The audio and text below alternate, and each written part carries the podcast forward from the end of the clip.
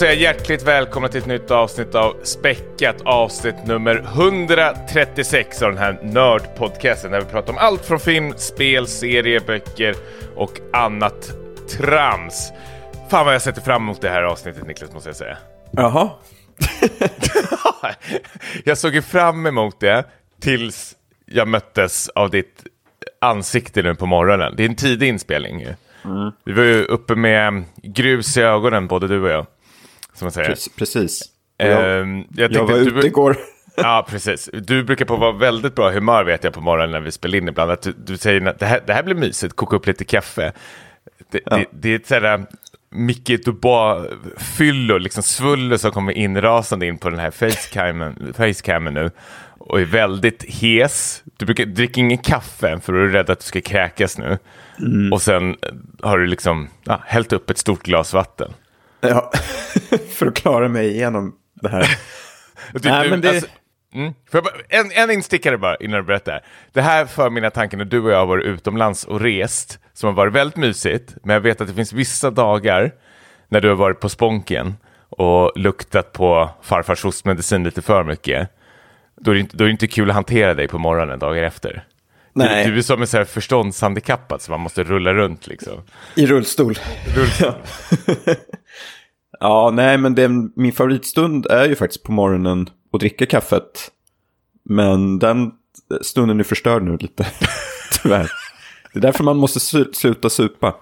Ja. Men, Var det um, ja. tre, tre plus kväll eller?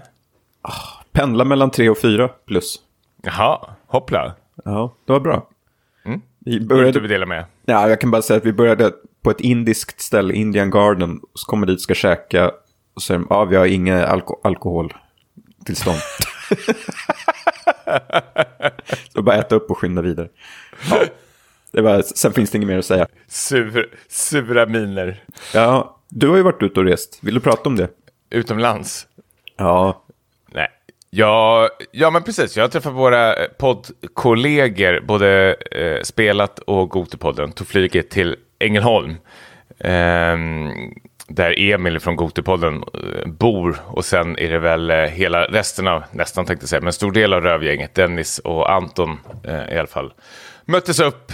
Så satt man och surrade och gafflade i flera dagar. Jag tänkte att ehm, Eh, man brukar ju ha lite, nu är Ängelholm eh, Skåne förstås, mm. men att två av dem kommer i alla fall från Snålland. Det märktes ju av rejält kan jag ju säga. På vilket sätt? Eh, nej, men det här är en femplussare faktiskt tycker jag ändå. Vi skulle, Dan inleder att vi skulle parkera bilen, vi sitter liksom intryckta i en eh, Audi.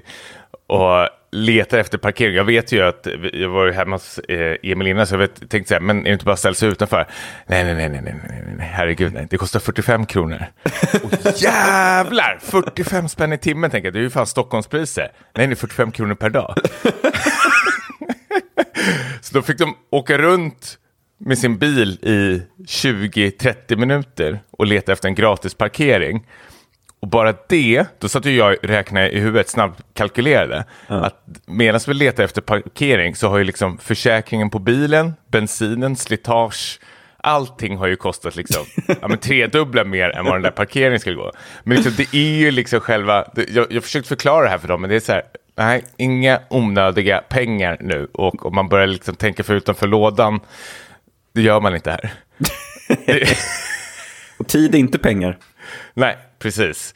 Um, nej, verkligen inte. Nej, men det, jag måste skicka en hälsning till hela det där gänget. Det var fan otroligt, otroligt um, bra stämning och god mat och trevligt folk och härliga miljöer och allting. Vi åkte runt lite på vischan som vi säger här. Men liksom, alltså central Ängelholm.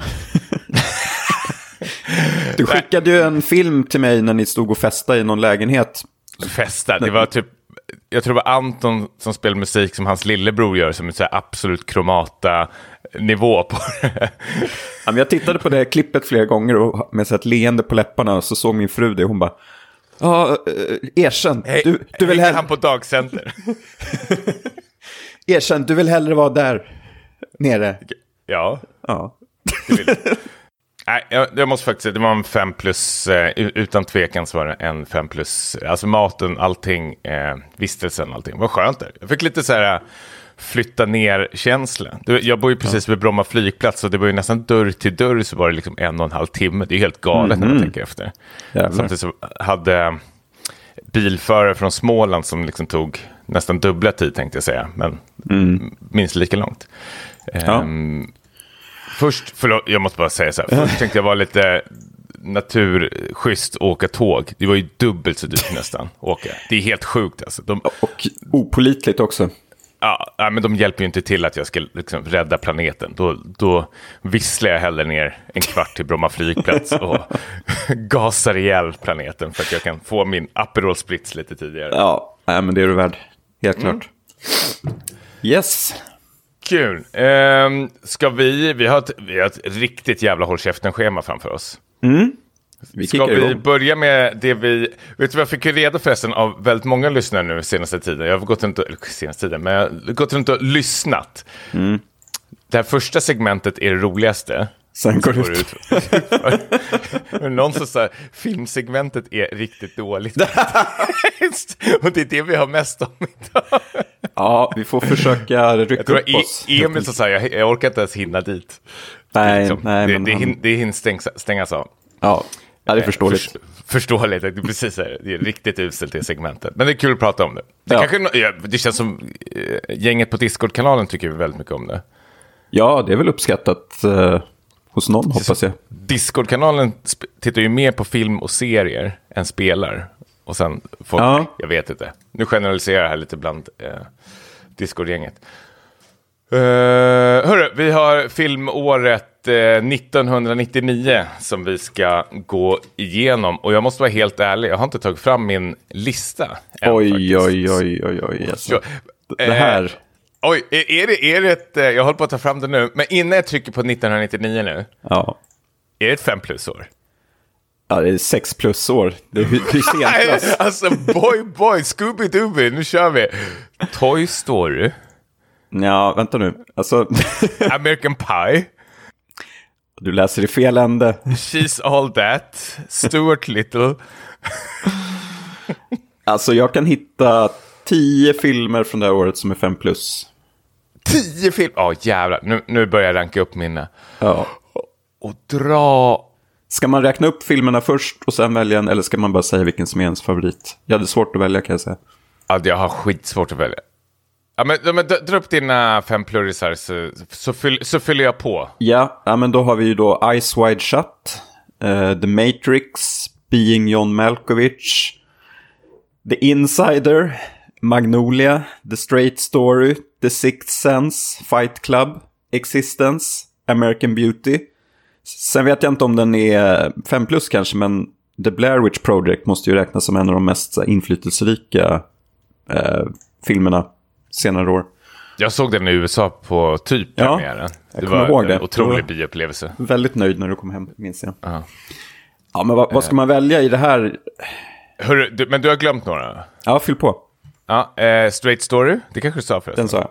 Ah, okej. Man on the Moon, den sa du eller? Du bara nickar? Nej. Nej.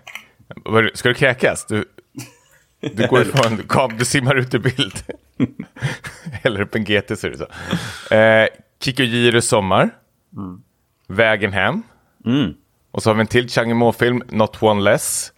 Eh, Ice Watch du Green Mile, Virgin Suicides, Mike Takashis Audition. Just det, den är också där. Ja, Sleepy Hollow. Uh, Boondock Saints. Nej. ja, nej, men eh, otroligt. Jävlar. Jag har... eh, Har, du- har du en spikad... Eh, vad håller du på nu då? ja, nu ser man inte vad det står. En bok som det står Best Movie Year Ever. Att du håller upp en bok framför kameran måste vi ändå säga. Ja, precis. Måste säga det till du lyssnarna. bara... En bok. Alltså, kan, vi, kan vi bara spela om avsnittet från början? För det här känns inte... Vi är riktigt risiga alltså. Otajt. Ja. Nej, men jag har en bok här som, som eh, tar upp just 1999, filmåret. Mm. Och tar upp det som ett, ett av de bästa filmåren någonsin.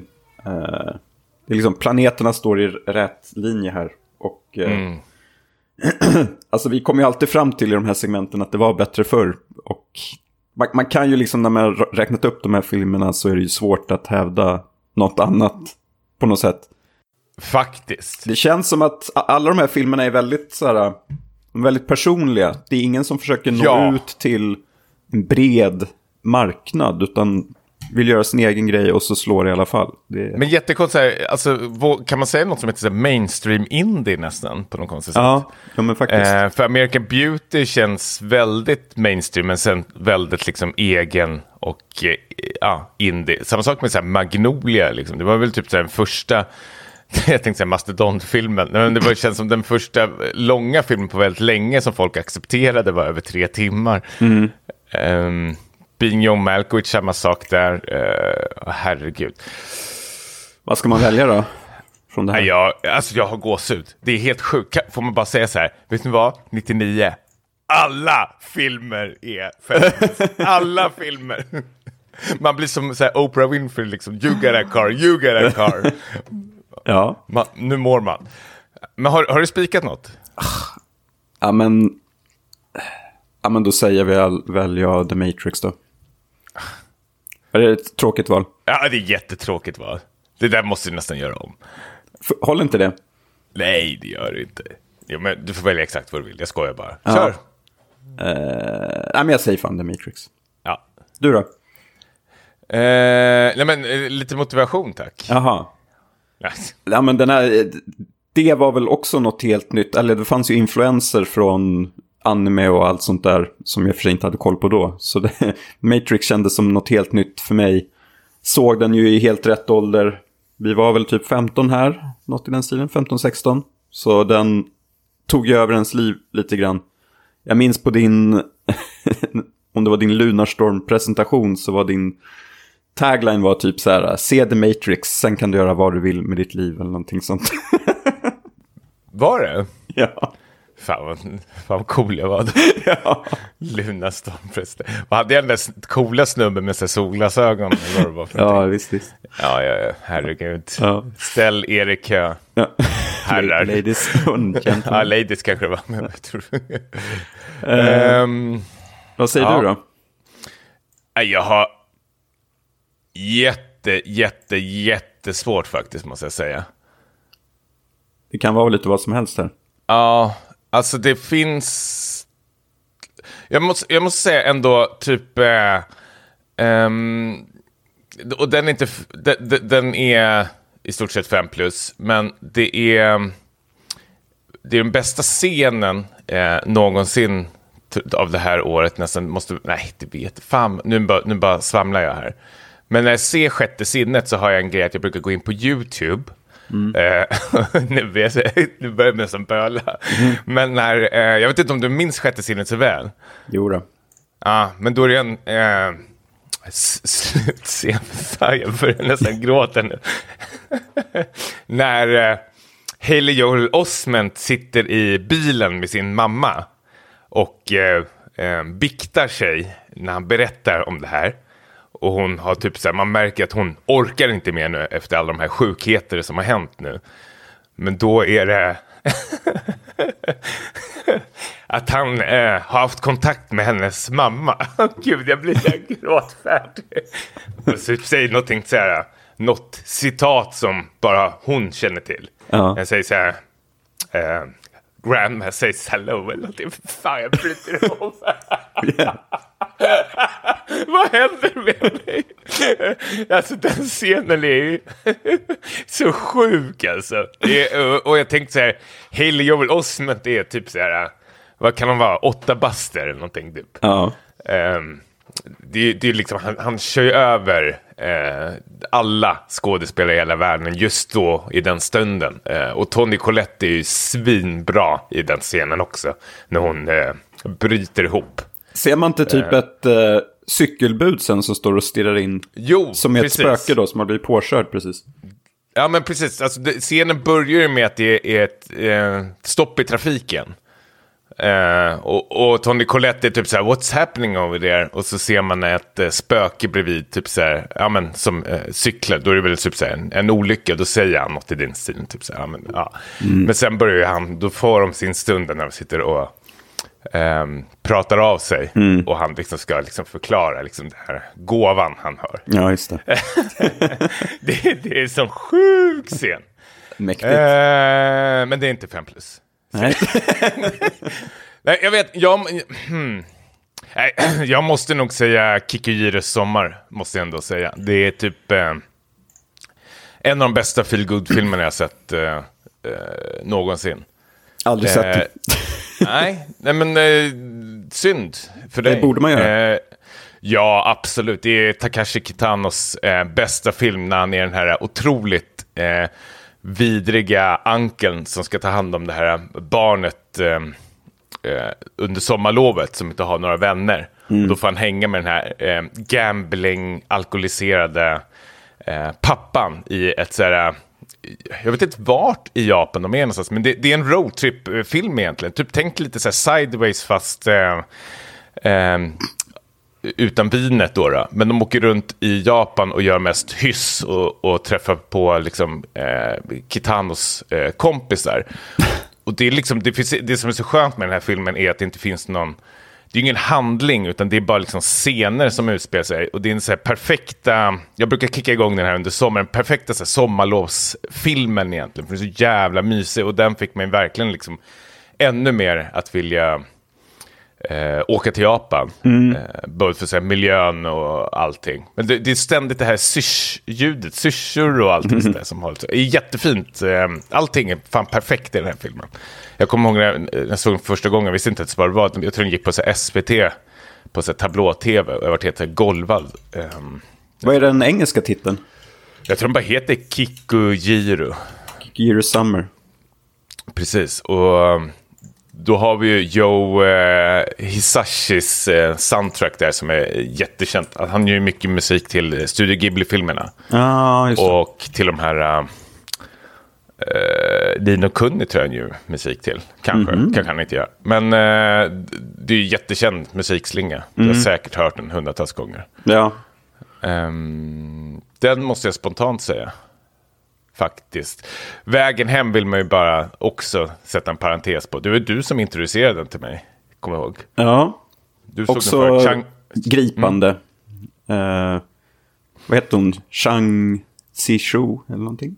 Eh, ja, jo men jag tror Shui, typ Chang Shui eller någonting uttalas det kanske. Det är så här, eh, liten, liten by någonstans i Kina och så är det en lärare som vad är det, åker dit och ska utbilda, eller utbilda, men det är lärare som åker dit från storstaden. Eh, Precis. Och eh, så blev de kära. Men då finns en otroligt gripande scen. Han ska åka tillbaks till storstaden. Hon ska springa efter honom med så här, eh, mat med nudelskål eller någonting sådär. Ja. Bara tappar den på vägen och bryter ihop. Ja, den kommer jag ihåg Då, då, är man inte, då är man inte så kaxig. Nej. då är man... ja, nej. Jävlar, men jag håller med. Det är ett ehm, fem plus år. Mest för att eh, Curb Your Enthusiasm hade premiär. Bättre än Seinfeld. Eh. Ska Det måste jag säga ändå. Eng Ängelholm-gänget håller med, håller med här. Curb Your Enthusiasm, hela liksom Gotipodden, alla säger ja men Curb Your Enthusiasm är bättre än Seinfeld. Vi måste fan bara spika det egentligen. Nej, det måste vi inte göra. Får åka ner och snacka med dem, låter det som. Ja, ja. Men hörru, vi, eh, är vi nöjda här? Vill du säga något mer om eh, filmåret? Nej, helt otroligt. Man, ja, man 90-talet. saknar filmer som Ice Wide Shut, eh, kan jag tänka mig. Eh, kan jag tänka mig. Men när jag bara tittar på den också, typ så här, mystiska thr- thrillers gör det för lite av. Hörru, vi... ehm, ska vi riva av två spel vi har spelat och sen har vi ett litet djupare snack behöver det inte vara, men det är väl en så här, kallar man för, säger man slutpläddring? Vad, kallar, vad säger man? Plädering, tror jag. Slu, slutplädering, ja. Det är väl det något man gör i domstolen oftast. Precis, när man ska avrunda. Eh, Men allt. guilty or not guilty. Ja, guilty or not guilty. Nej, men eh, vi hade väl kommit överens att du och jag skulle spela klart Final Fantasy 16 till nästa avsnitt. Eh, men vi sparar det och så får vi bara säga liksom vad vi eh, tycker nu när vi har gått i mål med det. Men vi har spelat två eh, purfärska spel, måste man ändå säga. Eh, du har spelat Aliens Dark Descent och jag spelar Exo Primer. Jag, jag vill hoppa på Aliens Dark Descent på direkten faktiskt. Ja. Uh, jo, men det här... Oh, yes.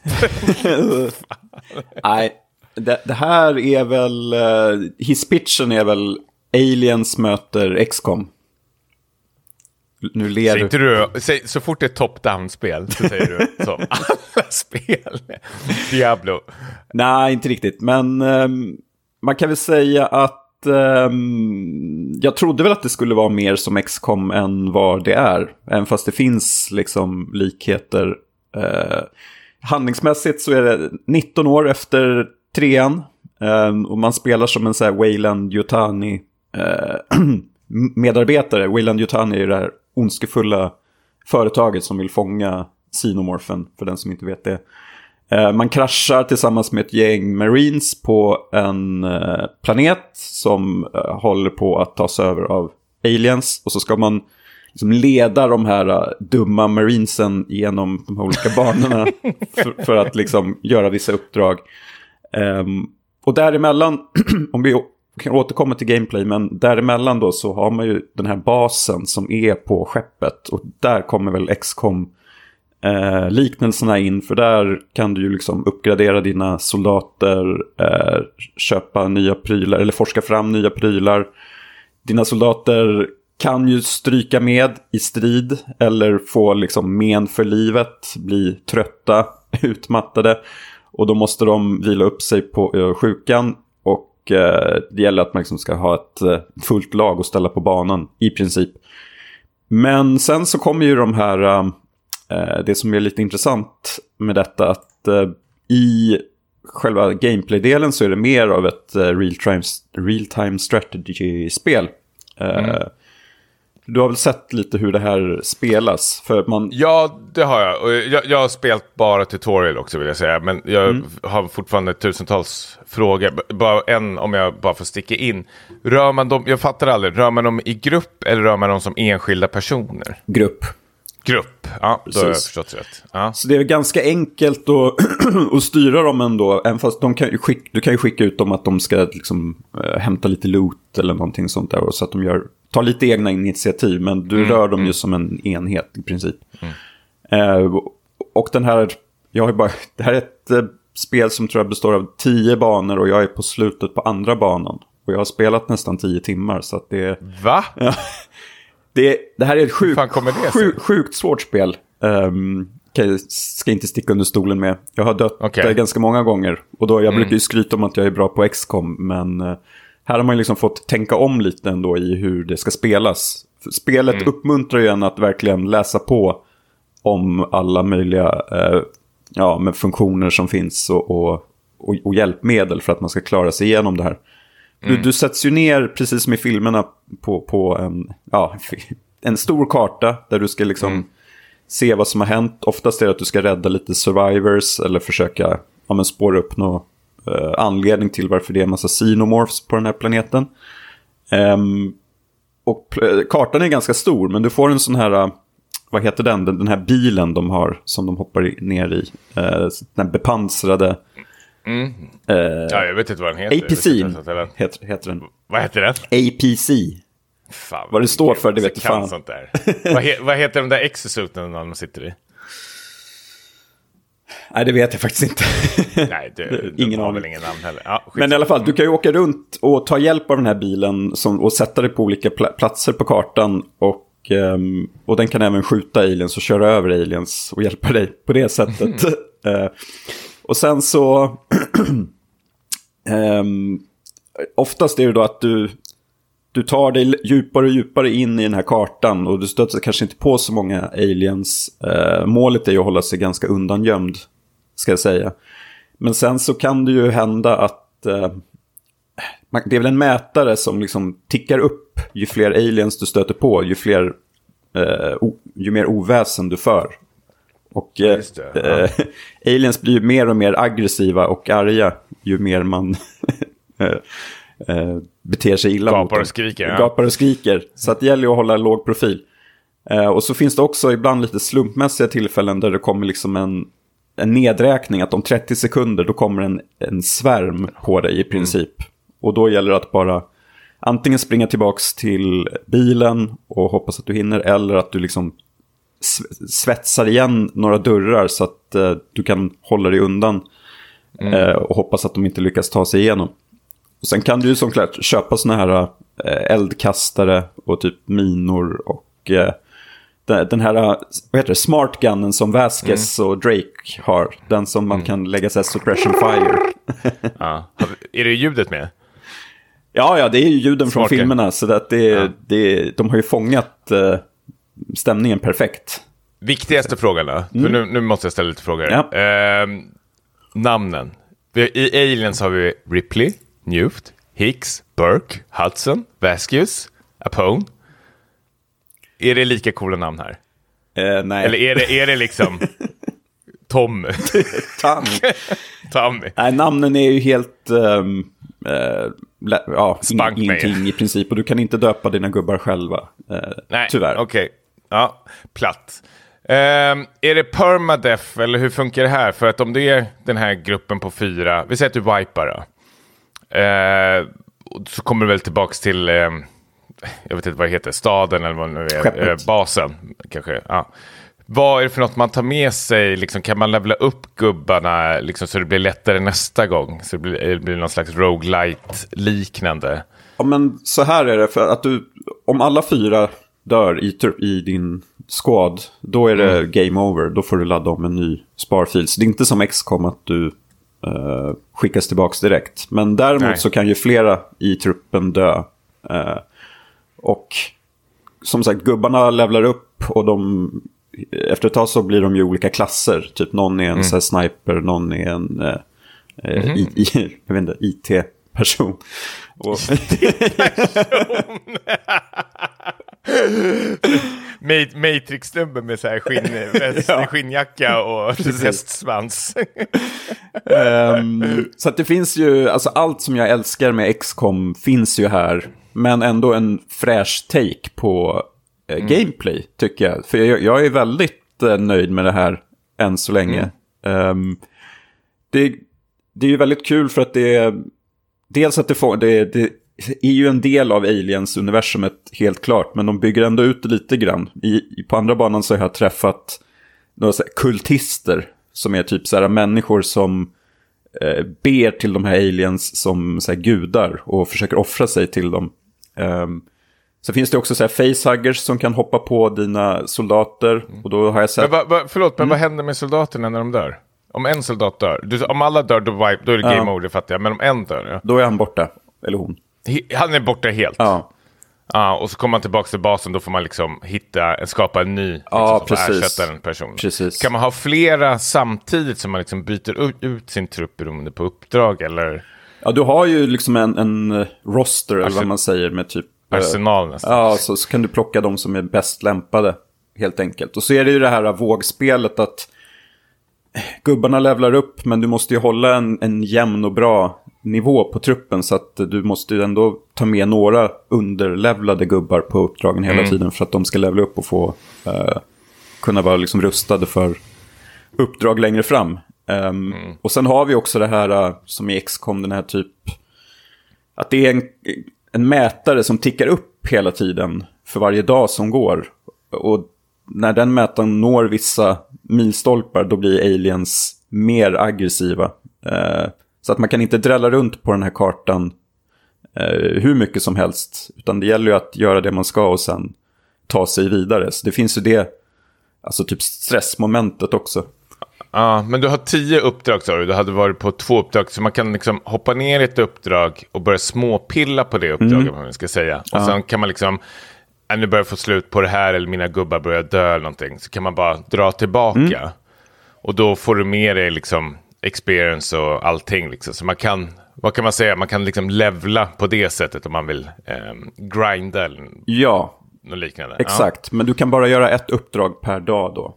Och varje dag så Ja, tickar den här absolut. mätaren upp. Så det är ändå lite eh, en, en risk kanske med att vara in, nere och grinda för mycket, för då blir aliens starkare också. Men det finns ju ett... Okej, du måste klara spelet inom vissa antal dagar då? Jag antar att det är så, för jag har läst, läst på att det finns en, det kallas en doomsday clock. Att typ Mm. om det tickar upp för mycket då blir det typ väldigt svårt att klara det. Så är det ju med XCOM, att Precis. det, det kan bli omöjligt i princip. Och då får du starta en ny kampanj, helt enkelt. Mm. Åh, XCOM. Ja, Men det låter som du är jättenöjd med det här. ja jag, jag satt... ehm, Fem plus på det. Nej, men det, det enda som dra, håller det tillbaka är väl att det är ganska buggigt. Ehm, Ibland är det liksom att det inte går att eh, göra någonting så att man får typ stänga av spelet. Eller Det hänt två, två gånger att jag får stänga av spelet och sen sätta på det igen och då funkar det igen. Sen tycker jag att det... Irriterad det blir för sånt där. Vet jag. Ja, det- där det ska väl funka. Ja. Sen så känns det som att kontrollen är lite så här onödigt komplicerad. Det känns inte lika intuitivt som XCOM återigen. Ehm, och Jag spelar det här på PS5, ska vi ju säga då. Att det känns lite som att det är mer av ett PC-spel. Men Okej, hade du rekommenderat det till PC då? Om man... om man få, kunde få välja så skulle jag nog säga att PC borde vara ett bättre alternativ. Ehm, men det funkar Säg det, till, säg det till Albin som har gett oss det här spelet. Nästa gång. Så här, nästa gång så kan du väl skicka till PC. Precis, gör rätt från början. Nej, Ja. fan. Nej! Nej, men jag, jag kommer fortsätta spela det här. Ehm, ja, det, det, det känns som att det här kanske är sommarens spel för mig. Jag vill ju alltid typ... En, Så här säger du varje sommar. Så fort du skulle spela någonting, sommarens spel. Men jag, jag är jättesugen på det här. Du sålde verkligen eh, in det också. ja, men jag tänker för dig och mig som älskar aliens så är det ju här... För mig känns det som att det är ett spel som är verkligen gjort för mig. Eh, Så det är... Det känns som ett... Alltså jag... nej, men det, ett- Förlåt, men... men, men ah! Ah! Prata, varsågod. det känns som ett spel som ändå gör att man har, får respekt för aliens och xenomorphs igen efter det här andra som vi spelade, det här aliens Fire Fire, Team. Team Elite. Där man bara liksom skjuter tusentals och tappar helt liksom...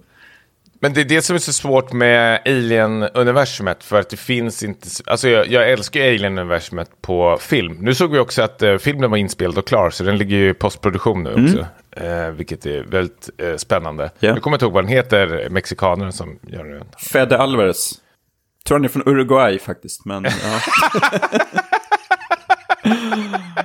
Fy fan. ja. ja, men den, ja, om ett år kommer den. Så. Jansson, ja men precis. Ehm, vad var det jag skulle säga? Nej, men det, det är ett ehm, universum som det är svårt att göra spel på eh, faktiskt. För det finns inte så mycket...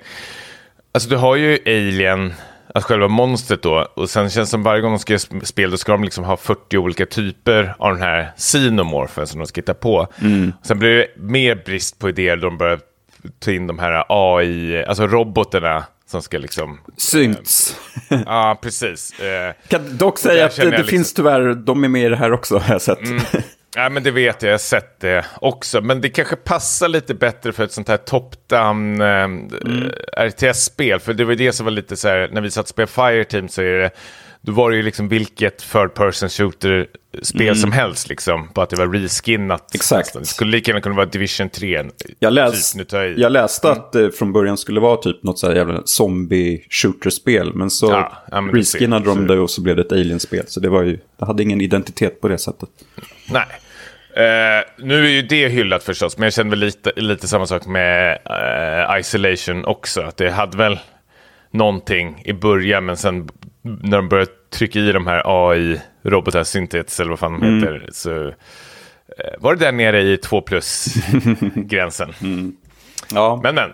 Ehm, nej, men det här är jag väldigt sugen på. Jag tror att man går nog rätt riktning med aliens. ehm, särskilt aliens då. ehm, för att... Um, nu vet jag inte vad jag skulle säga.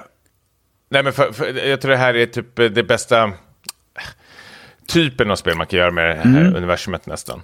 ja Fan, för det, hur, ju, mm, det finns ju så många eh, ja, men, tre, tredjepersonsskjutare och first person shooters redan. Eh, så det, det här är liksom, de testar någonting nytt. De vågar prova sig fram. Jag gillar det. Ja, får vi, får vi bara, kan vi bara djupdyka lite i titeln Aliens? alltså James Cameron måste ju vara världens största geni när han droppar i den.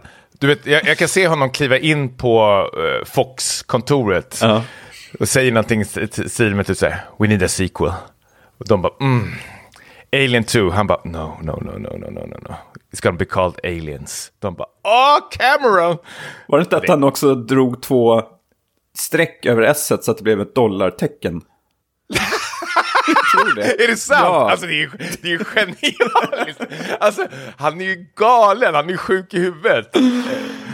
Men alltså det, eh, helt ärligt så måste det vara det bästa namnet någonsin på en eh, filmtitel tror jag. Ja. Det, det, det, alltså, jag, jag, jag blir helt, jag bara tappar hakan. Det är helt sjukt alltså. Jag kommer ihåg när jag var liten, så, um, alltså väldigt, väldigt liten, då, då jag, hade sett Alien 1 och vi stod i videobutiken, så fattade jag inte att Aliens var uppföljaren till Alien. Så jag letade efter Alien 2 eh, förpackningen och tänkte att det här är väl någon slags här rip-off. Eller jag, jag, jag var så här, nej men jag ska ha Alien 2, jag ska ta Aliens. Förlorade en kund. Ja. Du tog nej, den där italienska jag- skiten istället. Som... Ja, ja, ja, men precis. Nej, jag tycker det är helt... Um, uh, titeln är eh, ja, fem plus. Ja. Den skulle man kunna bara djupdyka i. Det borde komma en bok om det. Liksom. How, How title aliens was created. och så bara bild på James Cameron och så dollartecken på hans panna eller någonting. Tunn bok. Ja. Men eh, Eh. en titel som kanske inte är 5 plus. Exoprimal. Ja, ja precis. Eh, och jag har för mig att du har sagt någonstans att du eh, har varit lite småsugen på det här spelet. Eller har jag helt fel? Nej. jo, nej men lite... Nu, nu gör du sån där high-ten. Eh, Lite sugen på grund av att det är då dinosaurier inblandade. Men eh, jag vet inte om det räcker. Det får väl du eh, berätta här tänker jag. Ja, vi spolar tillbaks från början. Det här är Capcoms eh, third person stor satsning online eh, third person spel. Gud, jag säger typ så 40 saker också. Men det är lite vad det är också att eh, Capcom försöker väl återigen, alltså det är en studio som har eh, gått väldigt bra för det senaste decenniet med alla eh, remakes på Alien-spelen. Vi har liksom Monster Hunter, Devil May Cry. Eh, alltså det, Capcom mår ju otroligt bra eh, och nu ska de ju prova ett nytt eh, IP som är det här Exoprimal som är ett kort förklarat är ett PVP-VE-spel, alltså player versus player versus enemy.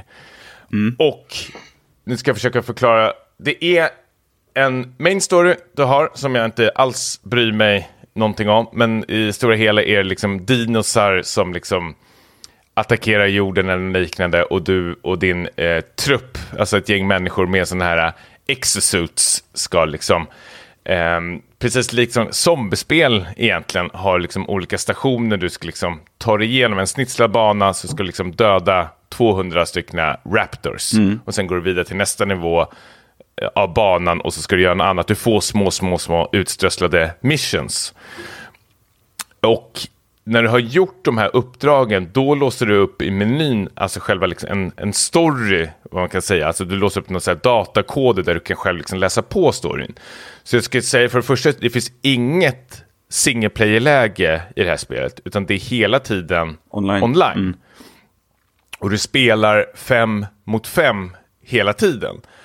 Så det är ett... Eh, det finns tre olika klasser kan man ju säga att det är. Det är liksom assault, tank och så är det support. Och varje av de här klasserna finns det liksom tre subkategorier du kan välja. Det finns liksom olika, till exempel assault så finns det någon som bara kör assault rifle eller någon som kör eh, med katana eller något liknande. Och twisten i det här är att du kan när som helst under spelets gång byta klass. Liksom. Om du känner att eh, motståndet blir tungt så kanske du vill ha lite mer damage och då kan du hoppa in i en sån här exosuit som ger mer damage. Eller tvärtom om du vill ha något som är tankigt. Men grejen är att du stöter inte på motståndarlaget utan du ser dem under banan i hologram. Så du startar, tänk dig typ som ett maratonrace nästan. Att motståndarlaget ska göra exakt samma uppgifter.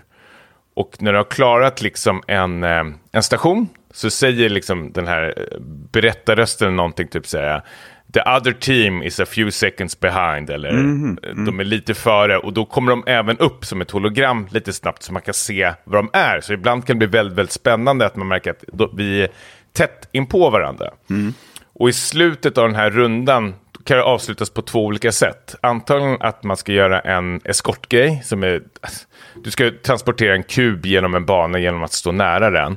Men mot slutet av banan när du har eh, eskorterat den här kuben så möter du på motståndarlaget mm. på riktigt. Då är de inte hologram längre och helt plötsligt så bryter det ut en sån här riktig jävla eldstrid. Eller så kan det vara att eh, mot slutet att du ska döda ja, men 200 raptorer eller, och fem T-rex eller något liknande. Och den som dödar alla de här först vinner. Liksom. Mm. Så det är det egentligen, i, i, korta drag så är det egentligen det här som är spelet. Um, och det är kul, det är kul som fan måste jag säga. Um, men det har sina problem. Jag, jag kan först börja med det positiva, är att det är väldigt lätt att sätta sig in i. Det är som ett third spel som helst. Du är inte eh, behov av prat av dina lagkamrater, utan det är väldigt liksom eh, raka puckar. Det är inte som Overwatch, att det kanske måste liksom sätta upp någon strategi att man måste positionera sig, utan du, du är bara liksom döda på. Har vi ingen heal i laget, då kanske man ska snabbt hoppa in en execute och hjälpa till att buffa upp laget eller något liknande. Mm. Och jag körde med två kompisar, bland annat eh, Tommy då från eh, Spelat. Mm. Eh, och vi satt väl och spelade nästan så här tre, fyra timmar i sträck. Liksom. Så någonting har ju, vi fastnade i det. Och desto mer man spelar så låser det upp mer eh, moduler kan man väl säga till de här karaktärerna. Så man kan ju liksom göra sin karaktär bättre hela tiden. Alltså tänk dig som typ abilities eller liknande. Mm. Passiva saker. Mm. Um, men det, ja. men uh har du fått någon känsla de här första timmarna om det här är något som kommer att hålla i längden eller om man kommer att tröttna ganska fort? Ja, men här kommer lite orosmoln. Uh För uppdragen har jag ju märkt redan nu att de är väldigt repetitiva. Det är eh, fem timmar, jag körde lite i morse också, så kanske jag har spelat fyra, fem timmar totalt. Men det är väldigt repetitivt hela tiden. Det känns som att de här fem timmarna har inte eh, hänt så jättemycket i omväxlingen av uppdragen. Utan det är antagligen att du springer till en punkt, du ska döda så många dinosaurier och sen får du springa till nästa. Eller så springer du till en punkt så ska du skydda en station så den ska ladda upp. Mm. Um, och det, det, är egentligen bara det. Och sen mot slutet så har du den här kuben du ska skydda eller att du ska döda typ jättestora dinosaurier. Men spel, eller Capcom har sagt att de ska liksom successivt liksom släppa mer saker. Jag har hört eller läst också att det ska, liksom, desto längre in i spelet man kommer så börjar man låsa upp mer saker. Det händer saker i världen med nya banor och allting. Men det är ingenting jag har märkt hittills ändå. Och jag har en sån där data, liksom, data progress, alltså det har med main storyn att göra, hur långt man har kommit och hur mycket man har låst upp i main storyn. Mm. Och då är det typ så här, ja, mellan 20-25 procent har låst upp. Så jag har ju kommit ja. en bra bit ja. in ändå. Um, alltså det, det, jag har ju tittat lite på Steam nu och läst lite runt. För, uh, och det har ju liksom fått så här, väldigt mixat av folk. Mm. Vissa är arga för att det inte finns någon single player. Mm. Uh, men det tycker jag man får liksom skylla sig själv kanske lite om man inte är Påläst. Uppdaterad, ja. ja precis. Uh, för det har de gått ut med rätt så tidigt att det, det kommer spelas så här. Och om man inte gillar det då behöver man inte spela det, det är inte mer än så. Mm. Uh, men däremot, och det här kan jag hålla med om, att det är ett spel för 600 spänn typ. Och det, är liksom, det du liksom möts av är ju liksom eh, tre karaktärer som är låsta bakom sig payment wall. eller att du måste typ så spela till level 20 för att låsa upp dem. Mm. Och det tar rätt så lång tid. Och jag har inte låst upp dem alls. Um, och det tar rätt så lång tid att låsa upp dem. Och sen är det ju det första du möts av är ju så här lootlådor och battle passes. Alltså det är väldigt eh, ger väldigt så här, giriga intryck mm. till en början att du ska låsa upp saker. Ingenting som påverkar spelet att du gör mer damage. Men det är ändå lite så trist att man betalar ett 600 kronors spel och ser så mycket som liksom skins och allting som man inte får till. Utan det får liksom, då får du öppna plånboken en gång till för att få typ så premium battle pass. Så det kostar typ 100 kronor eller någonting. Det är så seasonbaserat. Ja. Är det, lika, Så det... det- är inte lika illa som Disney Speedstorm, antar jag? Att det var lite Eh, gotcha nej, nej, men, vibes. nej, men det är det inte. Ehm, för du låser ju upp ändå, alltså stor, större delen av karaktären är ju upplåsta till en början. Mm. Men det är ju liksom att fortfarande här att du betalar ett sex, det- det skulle lika gärna kunna vara ett free to play-spel det här känner jag. Ja. Ehm, det som, alltså det, jag- jag vet inte varför det inte är det egentligen. Alltså det är ju svinsnyggt, det flyter på jättebra, jag har inte haft några buggar, inga problem, det har inte laggat eller någonting. Uh, utan sp- spelet är uh, snyggt, det är kul att spela. Den här Resident Evil Engine, som, RE Engine som de använder, är ju väldigt uppskattad och uh, snygg. Liksom. Och det är väldigt liksom, episkt och tufft när de liksom, så här, trycker in 200 raptorer samtidigt som liksom bara rasar ner från himlen. Och sen Inga frame man drops. Inga frame drops. Nej, flyter på skit. Jag spelar till PS5, man ska ju sägas. Och jag har spelat till Game Pass också. Så jag spelar både till PC och eh, PS5. Eh, och båda fungerar jättebra faktiskt. Eh, inget jag föredrar före det andra. Utan flyter på jättebra, det, det jag spelar på båda. Men jag kommer ändå fortsätta spela det här. Och jag har tänkt lite på dig, måste jag säga. För du gillar ju Capcom, du gillar dinosaurier. Eh, och sen är det de här eh, tröskeln du alltid har att komma ut i online-världen. Du, du, du tycker det är läskigt ju.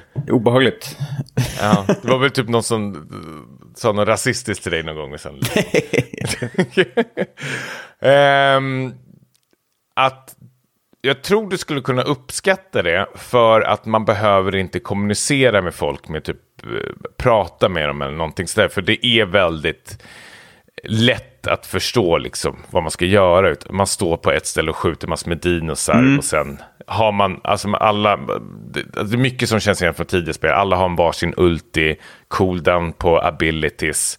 Det gäller ju bara liksom vara effektiv och kanske läsa av vad som behövs i laget eh, om man behöver byta karaktär. Och det är rätt så skönt att man bara gör med en knapptryck. Så liksom försvinner den här exosuiten och sen sätter du på dig en ny liksom, mitt i spelet. Eh, så du behöver inte liksom man behöver inte liksom springa iväg eller gå i massor med konstiga menyer eller någonting. Utan det är två, tre knapptryck och sen är liksom, sitter du i den. Det är bra att det är Eh. en enkelt. Sen är ju det lite så här eh, risk om det känns för simpelt. För då, att det inte finns någon djup i spelet. För då stannar väl inte folk kvar. Eh, Nej, precis. Alltså, och det är väl här kanske orosmolnen kommer. Att jag tycker det är väldigt kul nu till en början och mycket tack också att jag har spelat med eh, Tommy och Jack. Eh, och vi hade ju väldigt kul. Det är skitkul. Man sitter och... Vi sa ju det, alltså det, det gör ju inget nytt det här spelet. Men det är rätt så mysigt att sitta och spela med sina vänner och eh, sitta och småsurra lite samtidigt. Man behöver inte vara på helspänt hela tiden. Utan vi satt ju och snackade om annat massor med skit samtidigt som vi satt och spelade. Och sen satt jag och spelade själv i morse. Och då var det lite samma sak att jag hade en på en podcast i bakgrunden och satt och lyssnade. Alltså det, det är väldigt, väldigt lätt att liksom bara hoppa in i och kicka igång faktiskt. Ehm, men jag skulle nog inte rekommendera det för den här prislappen tyvärr. nej, jag är förvånad Ja. att det är så dyrt faktiskt. Ja, ja, precis. Jag tror, alltså om det hade haft lite mer content i sig och lite mer, ja, alltså, ja. För nu, nu är det egentligen, eh, det enda du kan göra är bara hoppa in i det här main online missionet som är ett random mission. Och sen liksom låser upp eh, när du är klar, vare sig du dör eller inte så liksom gör story progress hela tiden i spelet.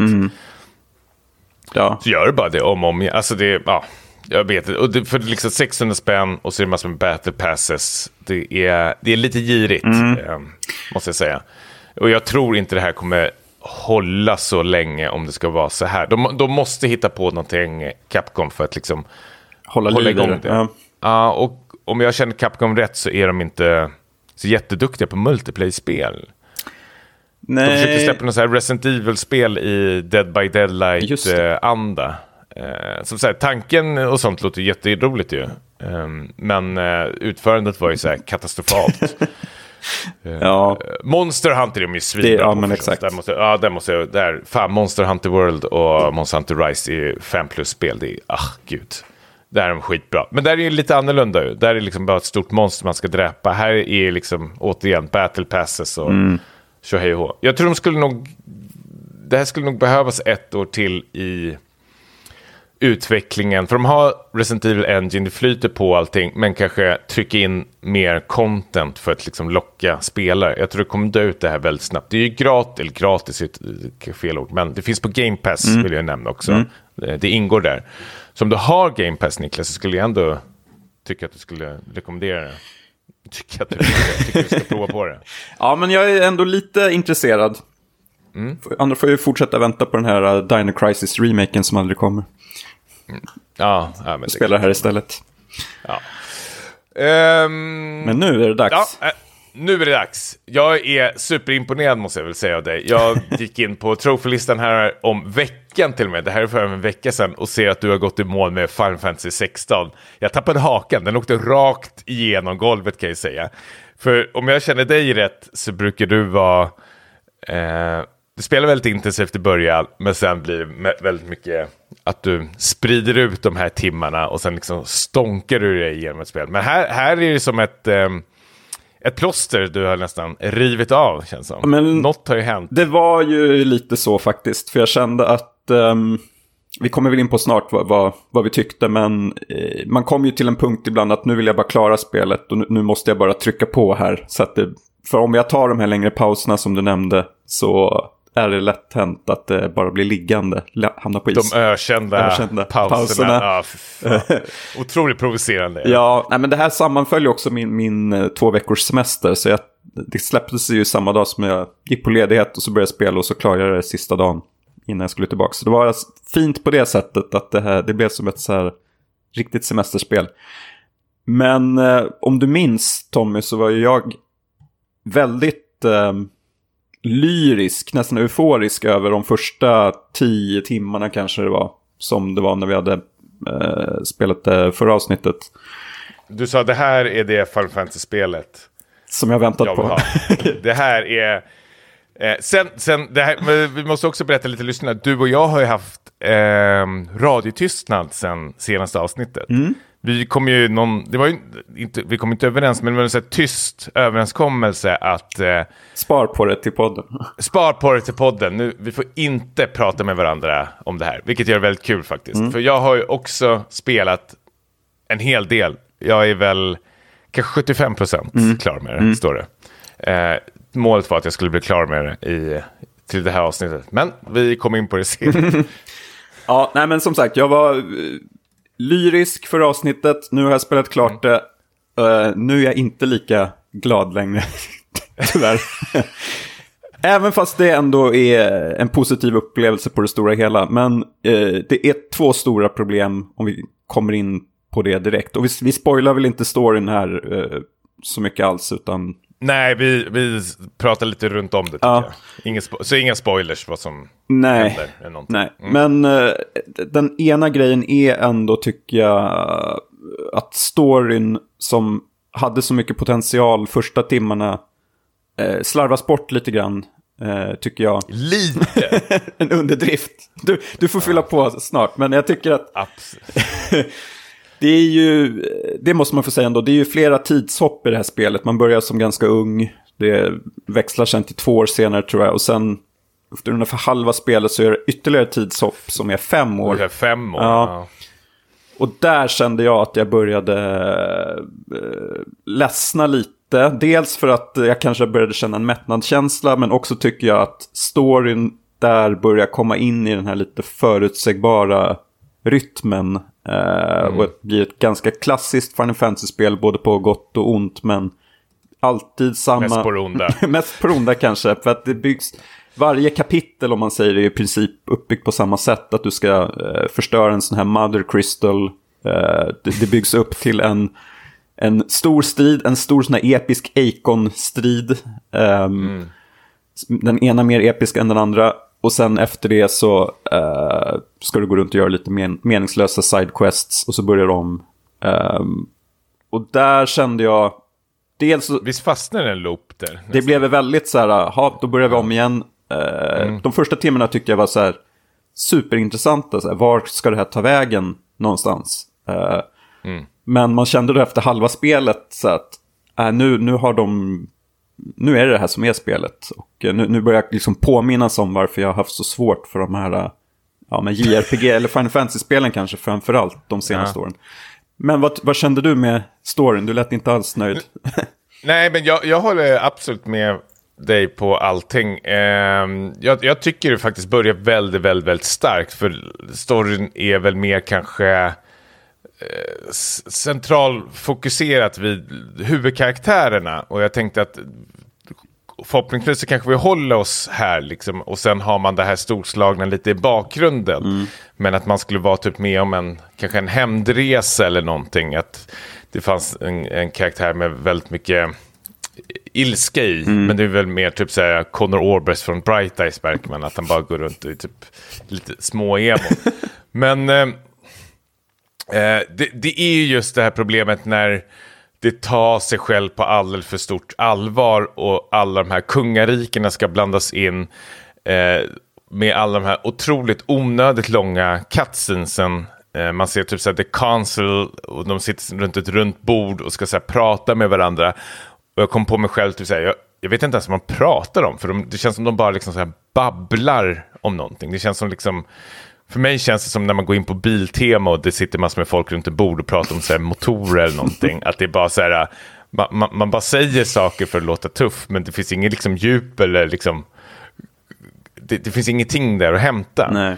Eh, och jag kommer på mig själv eh, zona ut mer och mer desto längre in i spelet jag kommer. Och sen kommer jag, alltså jag nickar ju till ibland märker jag att man liksom åker ner med huvudet mer och mer. Och sen kommer jag åt den här trekantsknappen. Skip. Skip Cutscene. Då tänkte jag, aj, aj, aj, vad har jag gjort nu då? Inte missa någonting.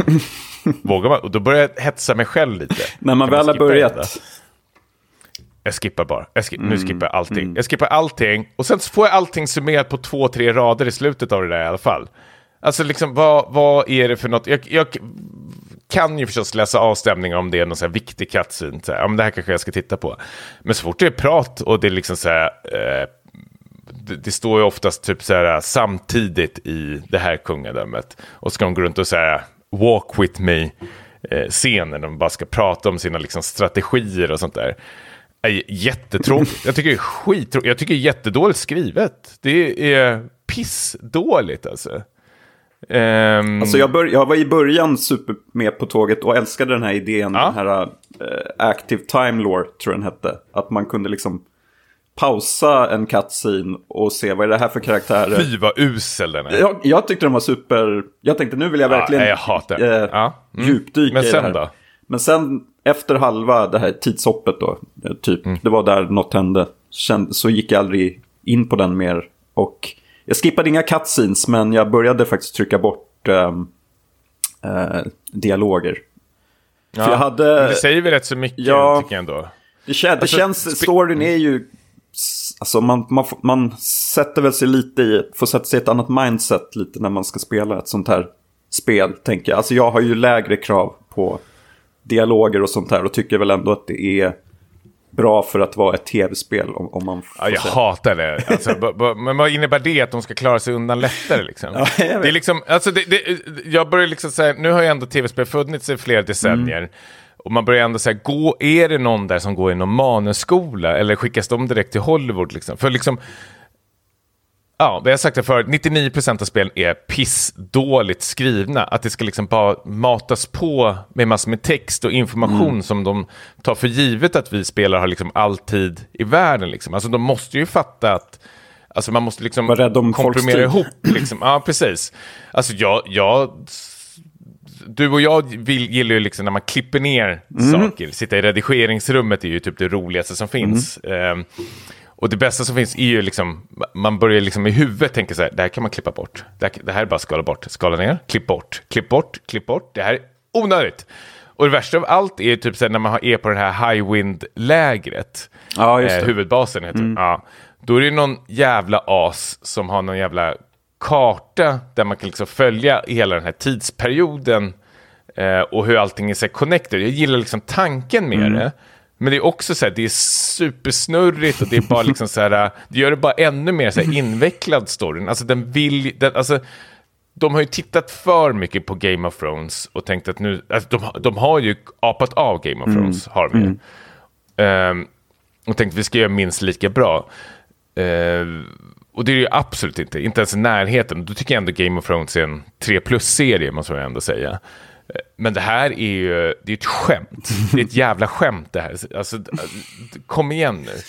Ja, Alltså, det har ju typ så här 40 karaktärer som ska liksom introduceras också. Det är liksom Ja. för många karaktärer. Liksom. Och till, till, till slut brukar, eh, slutar man ju bry sig liksom, när de liksom hänvisar till någon karaktär med någon namn och man är så här, vem är det här? Visst, då kan jag trycka på den där jävla knappen för att pausa upp spelet. Men alltså, jag, jag tycker att det är en sån lat funktion. Liksom. Jag har sett att några har hyllat det, men liksom, om du har svårt att berätta och måla upp karaktärer och ett scenario eller en story för spelarna för att liksom använda de här hjälpmedlen, då har du ju misslyckats tycker jag. Då är det, ju, det är ju bara en lathet. Alltså, vilken jävla idiot som helst kan göra det. Jag kan göra det med vänsterhanden känner jag. Jaha, fan, vi, vi skriver jättedåligt manus. Men vi, trycker, vi gör den här touchpad-grejen så kan de läsa på lite fylla i luckorna. Ja, usch. Nej, storyn är ett plus. Ja, så det var min, liksom, den ena stora grejen som jag känner eh, tar ner spelet. Den andra är väl att själva spelsystemet känns eh, ihåligt. Alltså det känns, och det har, hänger väl ihop med att det är alldeles för lätt. Ehm, att det Ja. blir, efter halva spelet så slutade jag göra sidequests också för att jag kände att de gav inte tillräckligt mycket. Dels storymässigt men även så fick du inte tillräckligt bra grejer heller. Eller du behövde inte ha några bra prylar eller Nej, grejer. men hur många sådana här jävla fangs har man fått? Ja men precis. Och det... Det är så här, Som det är man så här aldrig ah, du, du har fått så här ja ah, vad ska fan ska jag använda det till? Ja, det är crafting material. Men craftar ju Nej, aldrig. precis. Och det finns egentligen bara alltid ett vapen att välja på som är liksom bra. Ja. Inget pillande i menyer, sånt där direkt. Nej, och det behöver inte vara heller. Alltså jag, jag ehm, säger inte att det här ska vara världens liksom, djupgående spel där du ska sitta och liksom, bläddra bland stats. Jag tycker det är rätt så okej faktiskt att du har tre, fyra olika statsgrejer, alltså attack, defense, magic och kanske något annat. Det, det har inte jag något emot. Men när spelet eh, ah, säger att liksom, så här, ah, men du har bara det här, och du tänker så här, okej visst, men ändå så har de ändå så komplext system, men det är så onödigt krångligt liksom crafting-system. Och det är inte att det är liksom krångligt att hitta fram, men det är liksom hur allting liksom sorterat och uppdelat. Ehm, du har ju liksom färger på alla de här äh, svärden eller gearsen som är liksom lila är väl typ det bästa. Det finns ju säkert något bättre, men lila är väl typ det bästa jag har kommit och så är det blått och grått och allting sånt där. Men de är inte rangordnade bland färger, inte bland liksom eh, bokstäver eller någonting. Och när jag trycker sortera, det händer inte ett skit liksom. jag, blir, åh, jag blir så jävla tokig på det. Ja. Och det är som du säger också, det finns ju bara ett att välja. Liksom. Man går till den där äh, blacksmithen, craftar sitt, det bästa vapnet, ja, så är det med det. Ja, Och sen är det liksom hon den där eh, tanten som säljer eh, items och sånt. items. Ah, ut. Ta bort den. Ska, men varför, varför sätter de inte ihop hennes liksom, inventory med blacksmithen? Liksom? Ja, det var mycket springande fram och tillbaka där på, på den där uh, gömstället för att prata med den här med? Otto, bland annat. Blä! Och sen, eh, sen är det ju lite, alltså jag, jag fattar ju, det är ju uppenbart att de har försökt att göra en så förenklad och tillgänglig version av Final Fantasy som möjligt för att locka till sig nya spelare. Men det har ju blivit lite för simpelt. Det är ju knappt ett RPG längre, känns det som. Det, det finns ju inga, inga val du gör här. Du kan ju inte ens välja ditt eget party, alltså din egen grupp med Nej.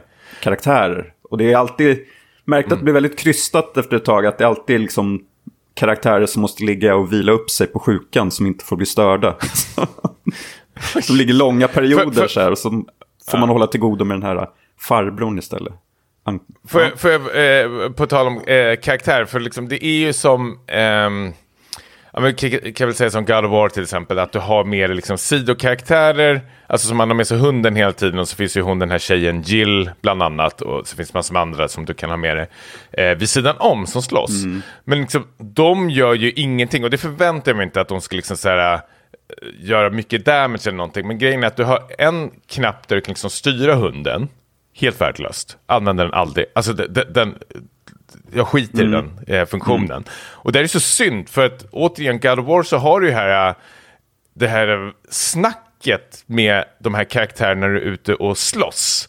Att du har, vad fan heter den där jävla gubben med huvudet nu som man har där bak? Mimir eller något. Ja, precis. Att han kan säga så här, behind you! Att, det, alltså, att striderna blir väldigt dynamiska på grund av att de surrar med varandra. Mm. Men, och, och sen kan du skicka liksom... Eh, Locke eh, på fienderna också, liksom, så att han hjälper, att det känns liksom att de gör någonting eh, och striden blir mer dynamiska. Men här är det ju ingenting. Jag känner ju inte ens att de här uh, karaktärerna finns där, utan de rör sig lite i bakgrunden. Mm. Men de pratar inte med varandra. Något ord kanske de säger, men jag känner aldrig liksom att de är en del av striden eller någonting. Uh, och det är också så här, det är pissdåligt. Mm det, liksom, det fanns ju till och med första God of War-spelet, liksom, och de har ju haft liksom, chans nu att titta på det och liksom, kunna apa efter och gjort det bättre eller minst likadant. Men det här är ju, det här är ju bara sämre i allting. Ja, alltså om jag... Nu blir du nervös igen när du sitter och googlar någonting. How, how to dump your best friend. Nej, men eh, om jag ändå ska försöka vara lite positiv, för jag Nej, sluta. spelade ju ändå klart det här. Det är, får ju liksom vara värt någonting tänker jag. Så tycker jag ändå att um, det som räddar spelet för mig är stridssystemet som jag tyckte var väldigt kul. Um, även fast man, det var ju väldigt lätt. Jag dog ett par, par tre gånger bara kanske under hela spelet. Uh, så tyckte jag att det här var, det var, det var roligt att eh, det hade bra dodge-mekanik. Uh, ju fler sådana här icons du samlar på dig desto roligare blir det. Att, eller mer, lättare att variera sig i alla fall i striderna det händer mycket på skärmen, mycket som blinkar med fina färger. Um, visst, det blir en del button mashing ibland, lite som att spela ett track and field-spel. Man bara sitter och trycker på... trycker så jävla stort. Så jag tyckte ändå att det gjorde att jag liksom hängde kvar hela tiden. I tidigare Final Fantasy-spel, de här nya, uh, 15, 13, har jag inte och inte remaken heller har jag inte tyckt att stridssystemet varit tillräckligt kul. Och då har det varit en riktig plåga spela klart det. Det var det inte den här gången. Mm. Och så tycker jag ändå att, eh, som jag också nämnde, att musiken är väldigt eh, lyckad. Eh, alltså den förvaltar eh, gamla musiken på ett bra sätt och gör lite nya Absolut. grejer. Absolut. Och det är ett väldigt snyggt spel. Jag, jag gillar att det, det, är mycket variation i miljöerna. Även fast, som sagt, när de kom ner i öknen där, då, det var då jag började känna, bara, nej, nu, nu börjar jag ledsna. nu var jag halvvägs ja. ungefär. Nej, men eh, alltså grejen, jag håller ju inte med om den här Eikans grejen. Jag har haft samma tre hela tiden sedan början. Mm. Um, och jag kom på mig själv att jag inte ens uppgraderar mina abilities. Jag bara glömde det hela tiden. För spelet liksom är så lätt, det bara flyter på.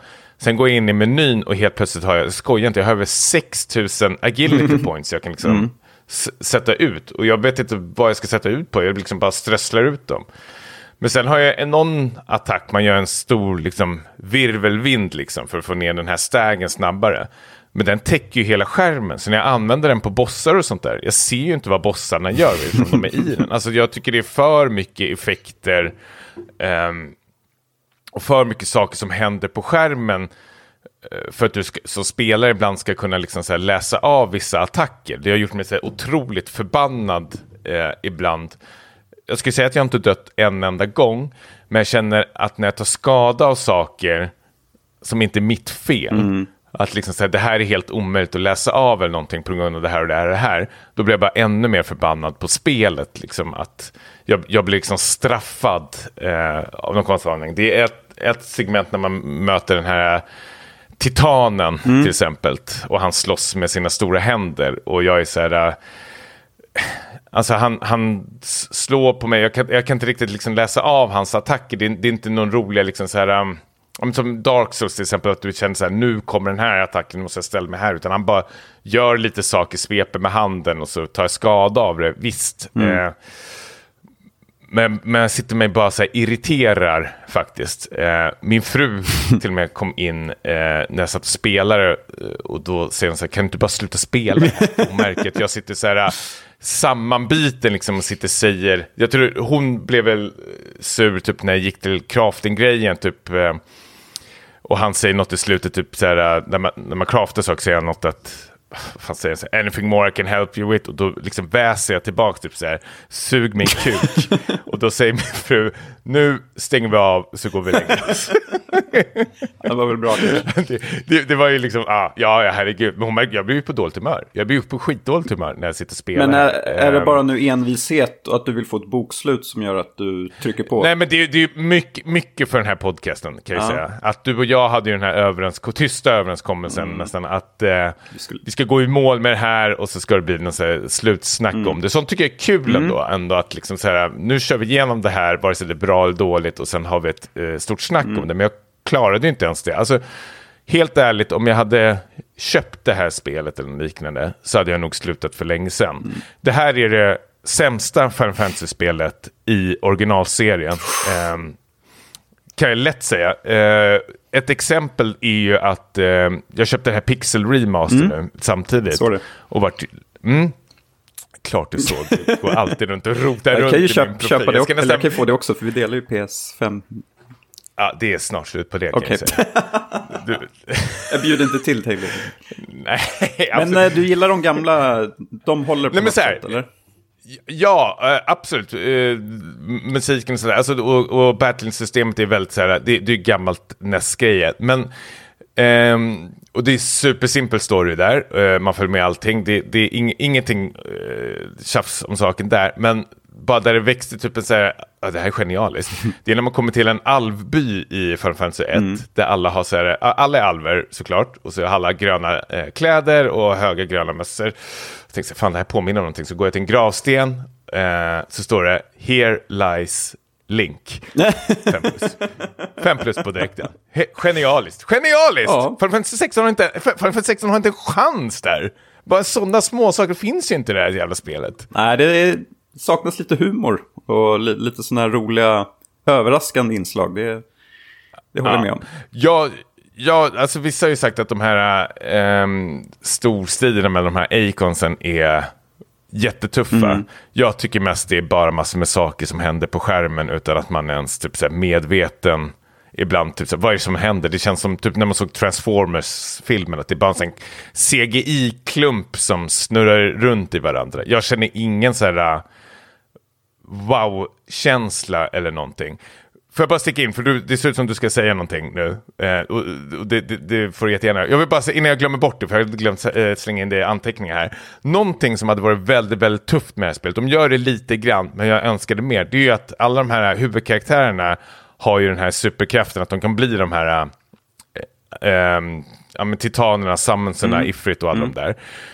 I tv-serien animen Attack on Titan så är det ju samma sak där att de blir jagade av de här titanerna och allting. Och det är ju liksom, spoiler spoiler, men riktiga människor som har de här krafterna i sig. Och det som är så tufft och spännande med Attack on Titan är att man inte vet vem det är. Så det är mycket så här infratörer och sånt. Så man liksom, det blir härliga twister. Men här i spelet liksom så drar de undan liksom, alltså de visar ju på direkten vem det är som bär de här krafterna. Ja, det var- Det hade varit jättetufft faktiskt att de har, för i början ser vi massor med strider med så Odin och Bahamut och allting.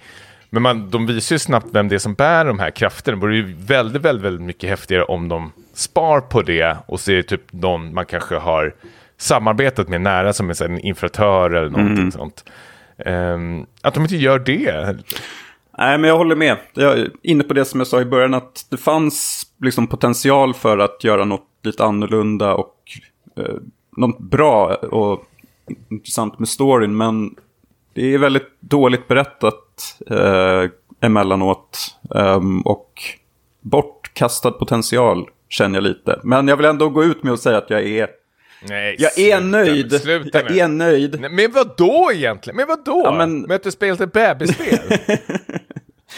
Det var kul stridssystem. ehm, Nej, det är det inte alls. Till skillnad från vad då egentligen? Helt ärligt nu. Alltså, ja, men eh, så, det- de, jag- de förlåt, andra förlåt, tidigare Final Fantasy-spelen. Absolut. Det, Det är det jag jämför med. Sen om man jämför med ett, uh, ja men God of War till exempel, så kanske det inte håller lika mycket, men Nej, men det här spelet har ju 89 på Metacritic, eh, eller OpenCritic, vad fan det är. Eh, och det är helt sjukt. För att om det här hade hetat något annat så hade det inte fått lika bra. Alltså jag kollade upp nu innan vi eh, kickar igång. Alltså Nier Automata till exempel. Som har bättre strids- stridssystem, bättre RPG, bättre mm, story och allting. Har exakt samma betyg som det här spelet. Alltså det, det, det vad, vad fan är det som händer? Folk, psykopat, är också från Square Enix, men liksom det är, det är så otroligt, otroligt överskattat det här spelet så jag blir så jävla arg nästan. Alltså vad är det för någonting folk ser i det här? Är det liksom bara att, alltså har det här argumentet att ah, Final Fantasy har äntligen växt? Hittat att, att hem. liksom mogna till sig? Ja, gäsp. Gäsp. In med en pratade tiger eller lejon som heter Red 13. Då är vi hemma. Då, snackar vi. Det här är ju... För, för, det, här, det här är helt sjukt. Det här, är helt, det här hunting-systemet är så jävla dåligt så det kan dra åt helvete. Att du ska gå fram, du kan inte gå fram till tavlan och titta direkt på det, utan du måste gå fram till den här fittmoggen och prata med den och den ska göra någon sån här grimas och röra sig i luften och sen kommer det in en liksom, dialog och sen måste du trycka in dig och då ska liksom kameran gå ut och zooma in. Alltså folk, de måste ju fan fatta att om jag vill veta liksom de här handsen, då vill jag ju bara trycka på eh, den här, vad fan är det, de här posten-grejen liksom, och hoppa direkt in i det. Vad fan är de någonstans? Eller att man bara har det i sin meny på direkten. Jag vill inte åka till Highwind och vara så här, Vad var det nu? vad var, vad var det nu igen? Vet du vad jag gjorde? Jag tog fram telefonen. Jag tog fram telefonen på direkten. Ja, men det säger ju rätt så mycket. Vad fan, jag måste ta fram telefonen för att veta vad handsen Mm. är. Alltså det är helt sjukt alltså, att de kommer undan med det. det är helt sjukt att de kommer undan med det. Ja, du vet. Är, är, vi, är vi nöjda där eller har du mer? Ja, jag har en till. En sista. Årets sämsta spel. Punkt. Skriv det på boxen. Årets sämsta spel. För mig är det här med i racet ändå. Nej, sluta! Jag har inte klarat så sluta. många spel från, från i år, såg jag. så Nej, jag måste men- ju skärpa mig där, men det är ju, det är ju där uppe. Grejen, du hade tyckt det var pissdåligt om det hette typ såhär, eh, Dark Magic. En new Square Enix game. Då hade du typ såhär, äh, det här håller inte. Nej. Ja, men lite så är det väl kanske. Du, du jämför det- för mycket med de tidigare, Final- eller de senaste Final Fantasy-spelen. Och det vinner Ja. på det. Och jag tycker det är en så snål skjuts egentligen, att man ska ha det liksom. Eh, Jo, men det har, det har ju varit för att de senaste åren har ju varit så bedrövliga, tycker jag. Eh, Absolut, så det att- så säger nu, ingenting emot. nu är det- jag ändå lite mer på tåget igen och ser att det här finns något att bygga vidare på. Men det, det är ju mycket som behöver fixas till del 17 eller vad det nu blir. Det är absolut. Jag hoppas de bara lägger ner skiten. ja men seriöst, vad fan, ut med den, sparken. Det, det är ju bara ett gäng psykopater som jobbar med dem. Alltså anställ mig, anställ mig. Jag skulle bara, om jag får exakt samma budget, pengarna i handen, så är de så här, men gör bättre själv då. Eh, Absolut, jag gör det på två år. Ja, Mm. Ja, är- absolut, inget problem. Vet du vad jag kommer göra? Jag kommer göra första staden, Mm. då, är det, då är det en by med rörmokare. Och så går man fram till en grav och så säger “Here lies Mario”. Redan där, redan där, redan där! Jag är ett geni! Jag är ett geni! Eh, nu har jag varit på bio igen. Och sett... Jag var ju på bio. Det lät som det var en plåga. det är ju... Det är därför du är bakfull. Typ. Ja, det var jävla mycket smälta. Ja, men det är ju den senaste Mission Impossible-filmen. eh, Dead Reckoning, Part 1. Ehm, Otroligt provocerande titel. ja, du och jag har ju haft våra duster, Duster. när det gäller den här serien. Och vi nämnde ju tvåan förra avsnittet, var inne på den. Ehm, jag, jag börjar bli lite så här, beredd att ge dig rätt på, på de här senare Mission Impossible-filmerna. Att, Oj, jag, jag, jag var väldigt glad när jag såg ditt betyg komma på Letterboxd och några andra vänners betyg där. Då, Ja. Vet du vad, då, då, jag, de, när de trillade in igår fredag kväll, då blandade jag upp en GT. En riktig, en lite, ja, jag, jag var på riktigt bra humör. Sen började jag spela Final Fantasy 16 och vart arg. Sänkte igen. Ja, Ja, nej men eh, man kan väl säga att, eh, som vi också nämnde, vi nämnde ju att eh, de tidigare filmerna hade nya regissörer, eh, lite nya inriktningar, gav varje film en liksom, mer säregen eh, personlighet.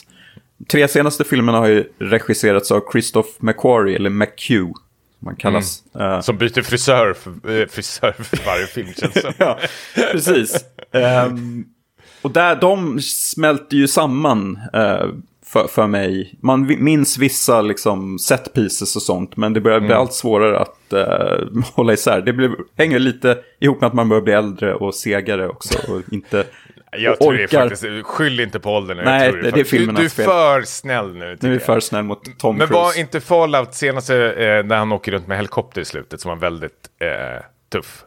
Det var tufft. faktiskt. Ehm, Och den, eh, för jag har ju läst på lite här om att ehm, de senaste filmerna har i princip liksom spelats in på samma sätt. Att det har inte funnits ett färdigt manus när de har satt igång.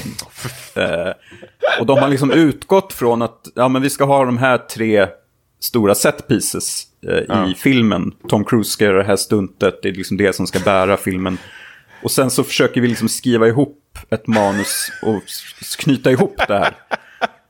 Och jag tyckte att det funkade bra i Fallout, men här funkar det inte alls lika bra i Dead Reckoning. Och sen just att... Förlåt, det låter som de har skickat ut en sån student på en Australienresa som ska göra sån här extreme sports nästan. Ja, li, li, lite så faktiskt. Och just det här att det är en part one också är ju kanske inte liksom till filmens Varför? fördel. Det kanske du får förklara sen. men- Ja, men det är en lång film också som de här har blivit. 2.40 tror jag den klockar in på. Och s- storyn är ju eh, svag, det, det måste man säga. Och Som fram... tidigare filmer. Ja, det... Som tidigare filmer. så, ja, absolut. och tyvärr, tyvärr, för psykisk misshandel. väldigt kort story är att i den här så har eh, det är en, sån här, en AI som har löpt amok. En AI som heter The Entity. Som, eh, och så har den, Entity har då någon form av så här, en människoskurk då som gör AIns eh, jobb eller någonting. Det blev väldigt rörigt. Ehm, och skurken är svag också. Ehm, håller inte alls måttet. Han är ju nere Jaha, på... jag tror du menar svag som Klen. lyfter inte, lyfter inte hur bra vikter på gymmet. Nej, han är stark på det sättet. Vad tar du men- bänk? Ja, men ty tydligen så liksom i Vem är skurken? Mexikansk skådis. eh, Isai Morales? Eller? Ja, men precis. Han, eh, de knyter ju ihop den här filmen en del med första filmen och det, de skohornar in att han var liksom med och dödade Ethans team i början av första filmen i Prag där. Om du minns. Jag kommer inte ihåg. Nej. Nej. Så jag måste gå tillbaka och kolla på det om det verkligen stämmer om, eller om det är något de har verkligen skonat in. Men ehm, eh, första filmen tycker jag är, är den bästa. Det, det vill jag ändå ha sagt. Eh, Brian De Palmas. Eh, så det, var, Ja, ja. Mm, mm. det, det, det var lite kul att det var lite att de knöt tillbaka till den. Ja, ja, nu menar jag vad du menar. Jag tror du menar förra, alltså senaste Fallout-filmen. Men det kommer jag ihåg när... Eh, Emilio Estevez i hissen. Emilio dör i hissen, ja. Ja, det är Ja, ju så jävla bra scen. Ja, Eh, det är helt otrolig scen alltså. Ja, Så det, det- det, minns jag absolut. Ja, det, det är minnesvärt. Tuggummi-scenen på äh, glaset är också helt otroligt. När På kameran blir mer och mer galen liksom. Ja, Brian De Palma. Han eh, kan lära McHugh om ett och annat. Eh, känns Han kan lära Final Fantasy 16 tid. hur man berättar en historia. In i hisschakten med dem. Ja, exakt. Ehm, Nej, men... ehm, eh, och man börjar känna nu så här att... eh, Man, man har ju sett det här några gånger nu. ehm, alltså de här filmerna. Och McHugh borde ha lämnat eh, över till någon annan efter förra filmen. Som jag ändå tyckte slutade på eh, bra. Men här är det... det, the entity. AI, så här, det är liksom tio gånger i filmen som Tom Cruise bara liksom... Ja, ah, det är entity, säger han så och så är det så här ondskefull musik. Eh, medan man sitter och bara, jag, jag fattar inte vad det som händer. Det är otroligt mycket exposition. ehm, Ja, det kan som liksom ska matas på. Jag kände så att jag sitter och zonar ut här Ja. bitvis. Och det tycker jag väl inte att jag har gjort i tidigare filmer. Eh, så på det sättet, jag satte ändå en tre och en halva för att jag tycker att det här är ändå bättre än de här eh, John Wick-filmerna. Jag ser ju mycket hellre det här än Marvel. Så att det, det håller ju ändå liksom... Så franchise-mässigt så... Ja, men det, det håller en hög lägsta nivå tycker jag. Eh, Mission Impossible.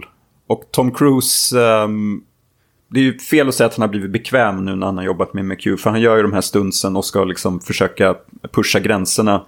Och man ser ju att vissa saker är gjort på riktigt och det lyfter ändå helheten. Men eh, jag, jag var liksom... Otrolig självgod när man ser av de här bakom kulisserna grejerna när det är kamerateam som applåderar. Jag vet inte hur många gånger man har sett det här eh, motorcykelscenen han hoppar ut Ja, från ett stup. Ba- Det, finns säkert en förklaring till varför han gör som han gör, men det känns ju helt onödigt liksom att han ska ta motorcykel bara hoppa rakt ut och sen hoppa ner en fallskärm. Varför kan han inte bara springa rakt ut? Nej, men de säger det att det är, han måste få lite avstånd på sig, mellan sig själv och klipporna, annars kommer han ramla ner på klippan Ja, och slå ihjäl sig. Men kan du inte bara ta en sån där äh, suit då? Tjong. Alltså en sån där uh, squirrel suit eller vad fan. Sky... Nej, jag vet inte. Ja, skitsamma. Ja. Du kommer, ja. Ja, nej, men, Men, det, det, men, det, men det är väldigt mycket, det osar ju väldigt mycket vita män som har väldigt mycket pengar eh, som bara ska ut och göra lite tuffa scener. lite stunts. Det, ja. det, ju- det är ju kritvitt, det är Colgate-vitt på bakom kulisserna säger jag ju varje gång. det är bara Ving Rhames som sticker ut.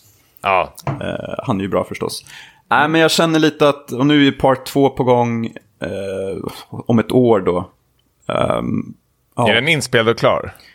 Jag tror Det måste den ju det. vara förstås. Ja. Det har, var ju problem också med den här för att den spelades in under covid. Covid. Eh. Ja, och där är nästa fråga. Det var väl under en sån båtscen vad jag fattar som. För folk var ju typ instängda på en båt och då kom den här ökända inspelningen upp när Tom Cruise liksom ut. skäller ut eh, Ja. alla. Eh, men var det någon båtscen på det? Nej, alltså jag tror det var att han hyrde eller, den här båten för flera miljoner liksom för att eh, de som jobbar med filmen skulle kunna isoleras.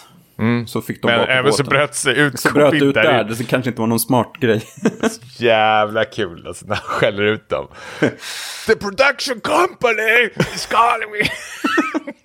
Väldigt Jag pressad. hon- men jag fattar ju honom ändå. Fan, Ja. eh, han försöker liksom så här, eh, ja men fixa till ändå så det blir rätt eller någonting och hålla sig till reglerna och allting och så kostar det mycket. Så är det en, även någon som liksom ska ut och svaja runt under covid-tiderna och dra med sig skiten liksom där. Det är Ja. såklart man blir eh, Irriterad. li- ja, irriterad. Ja, nej men eh, Han har ju det privilegiet också. han, han kan skälla ut folk. Ja, men eh, alltså om man vill se bra action så absolut. Men om man hoppas på något mer än så så kan man ju skippa den här. Eh, jag tror inte du kommer gilla den här. Förutom vissa scener som är liksom komiska, ofrivilligt komiska, liksom på så här Mission Impossible 2-nivå. Åh! Så det finns ju några sådana cheesies Du var- grejer som du, skulle kunna uppskatta. Jag satt och tänkte faktiskt när jag såg den här att liksom Mission Impossible 2, den hade ju ändå en identitet med det här Limp Bizkit-soundtracket. och liksom så här, väldigt mycket produkt av sin tid, men det, de gjorde ett val där i alla fall. Eh, Ja. Tycker jag. Ja, gud vad jag älskar den filmen. jag ska Den se om den.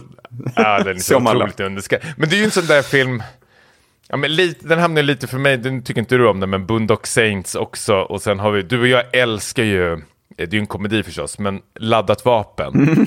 Eh, det är ju en fem plus komedi, men jag provade se med några kompisar som inte hade sett den för några år sedan.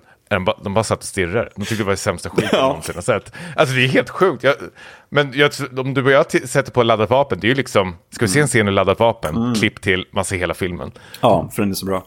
Ja, den är så otrolig, fem plus film. När vi kommer till det året, då, då åker den upp. Då är det Då ska den fram. Det är Ja, väl då ska den fram. 90-talet, så det. Alltså, kommer jävla snart. bra film alltså. Fy fan vad bra den är. Eh, ja, men ska vi gå i mål då med filmklubben? Ehm, med lust och fägring stor, eller vad känner du? Ja, känner, känner. Känner känner, det är inte så mycket att välja på. ja, men eh, Ta du det här, för det är du som det är jag som har satt oss i skiten. Vi, ehm, vi ville se, eller jag ville se Bo Widerbergs Lust och fägring stor, som är då ett triangeldrama där hans son eh, spelar, eh, alltså Johan Widerberg spelar den här eleven som blir kär i sin lärarinna. Eh, och de inleder ett förhållande. Och sen visar det sig att hon har en alkoholiserad man. Spelad av Thomas von Brömsen. Som dyker upp och så blir det här liksom något form av triangeldrama. Ehm, och det utspelas i Malmö på 40-talet. Eh, Vilket hörs. det här, eh, måste ju vara något, av den bredaste skånskan som har fångats det var- på film. Jag, jag letade efter undertexter. Jag också! Alltså, det Och du kom ju ändå direkt från Ängelholm. Du måste ju ha haft det här... Ja, men så bred var inte den i Ängelholm. Den var ändå förståelig. Men den, den här var ju helt Jävla obegriplig. Liksom.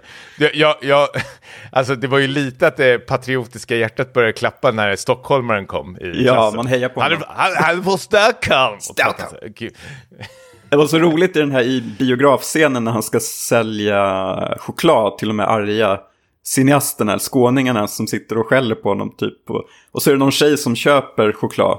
Och då är det någon i publiken som säger bara "Ah, en jävla gris. Fan vilken dålig imitation. Eh, ja, nej men... Det låter som en riktig SD i så här, kommun. Ja. nej men... eh, Glesbygd. Ja. Vi pratade om att den här var Guldbaggenominerad. Den var ju faktiskt också Oscars-nominerad, bästa utländska Och film. Oscars-nominerad till och med. Ja, så var det lite där, Aja, där jag aja. tror att jag eh, var lite intresserad av att Nej. se den. Vi såg The Piano Teacher, du hade råbång efter den och ville liksom Ja, vill ha mer. avsluta festen. Ja, precis. och, och tog det här liksom snusket, eh, tänkte du? Det var inte så jättefarligt tyckte jag heller. Nej, och det är ju egentligen bara i filmens inledande 30 minuter väl? Sen blir det Ja. mer ett eh, mörkt drama. Eller mörkt. Vad, ty- vad tyckte du om det här? Om. Nej, alltså jag kände mig otroligt likgiltig eh, genom filmen. Och nu hade jag ju The Piano Teacher färskt i eh, minnet. Den kanske inte är exakt likadant, men det är väl det här med eh, eleven, eh, eller studenten och liksom den här eh, läraren. Maktdynamiken Ja. och sånt. Ja, men precis. Ehm, jag kände att den inte tog lika mycket risker som kanske hade önskat. Att de skulle, jag ville ju ha kanske en scen där det var hela korven och bönorna i, i munnen som det piano teacher. Nej, men jag, jag vet, eh, alltså jag, jag, jag har, vi sa det innan podcasten, jag sa jag har inte så mycket att säga om den här. Jag tyckte den var tråkig. Ehm, Jag tycker att det är, det är lite intressant och lite skevt hela det här att det är Bo Widerberg som regisserar sin son i så här sexscener.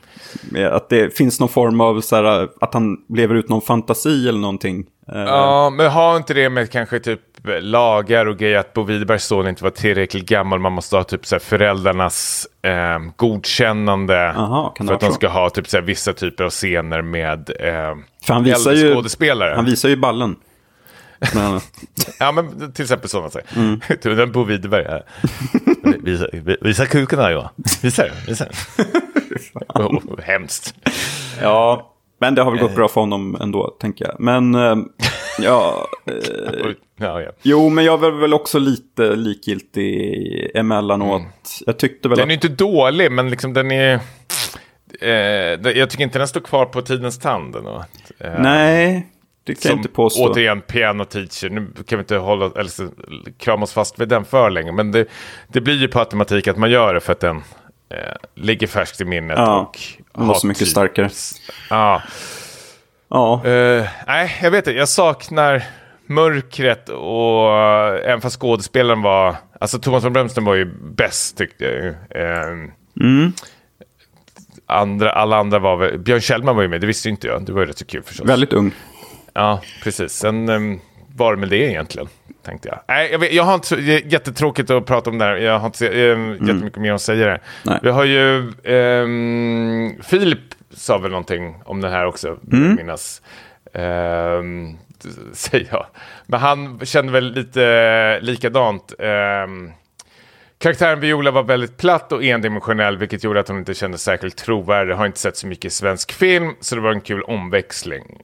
Eh, Thomas var bäst tycker jag och hade intressant karaktär till skillnad från föregående film. Ja, men lite på mina tankar. Till skillnad från föregående film kommer den här inte hänga kvar med mig.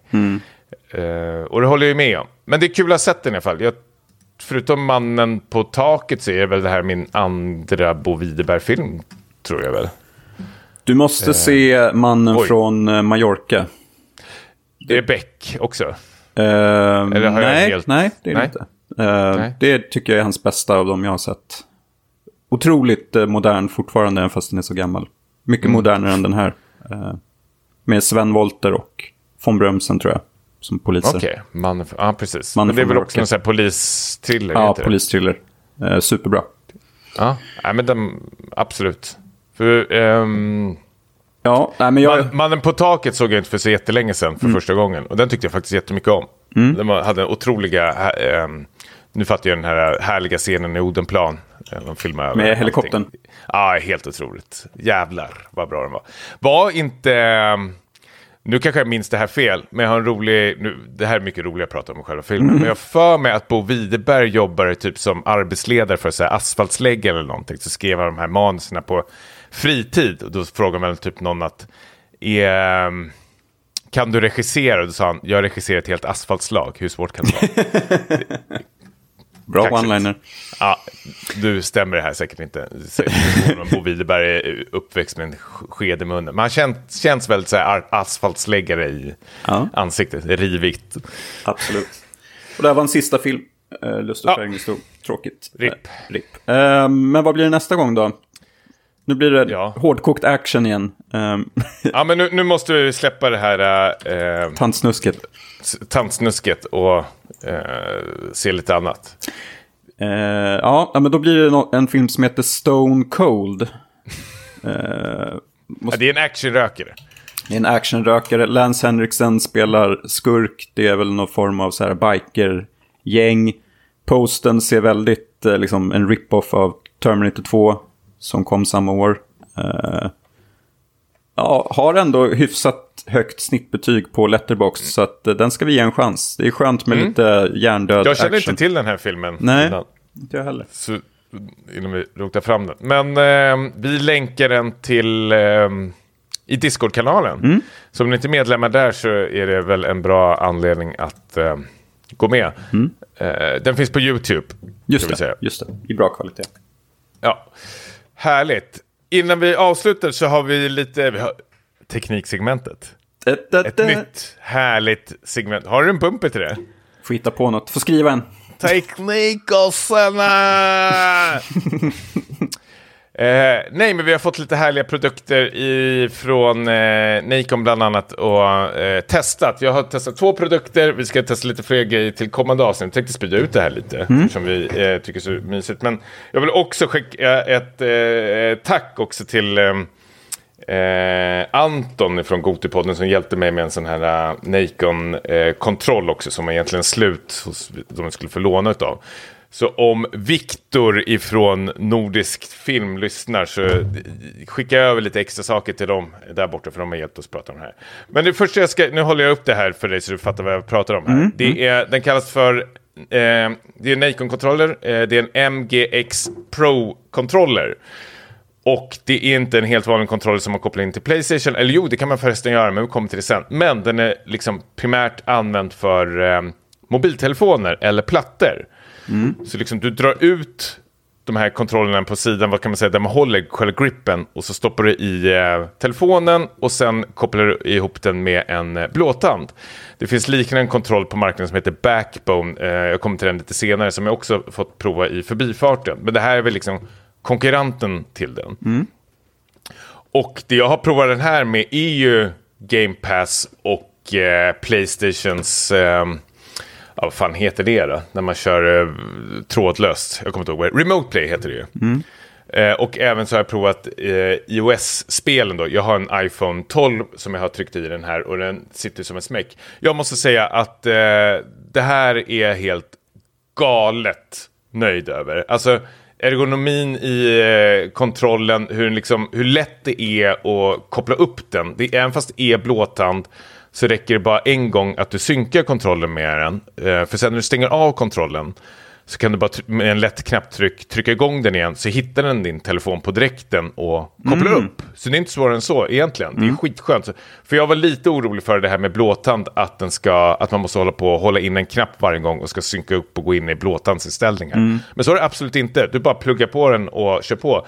Så jag har faktiskt provat Eh, och det har ju inte med kontrollen att göra, men jag har provat att köra liksom på så här cloud gaming, men även iOS-spel. Och de spelen som har eh, alltså stött för sådana här kontroller funkar utmärkt. Det här är fan det bästa jag har haft eh, någonsin. Och nu är jag, jag är ju jätte, liksom, peppad på att eh, fortsätta använda den här. Eh, och kommer att göra det till liksom... Ja, jag är, nu när jag sitter och spelar Final Fantasy Pixel Remaster så är jag sugen liksom på, eller jag har ju provat det första spelet, men jag är sugen på att spela de kommande spelen till den här kontrollen också. Så den ser ut som en vanlig, liksom en eh, Playstation-kontroll, Xbox-kontroll, liksom. ehm, Men det är framförallt om man vill spela handhållet och inte vid tvn liksom. Precis. Ja.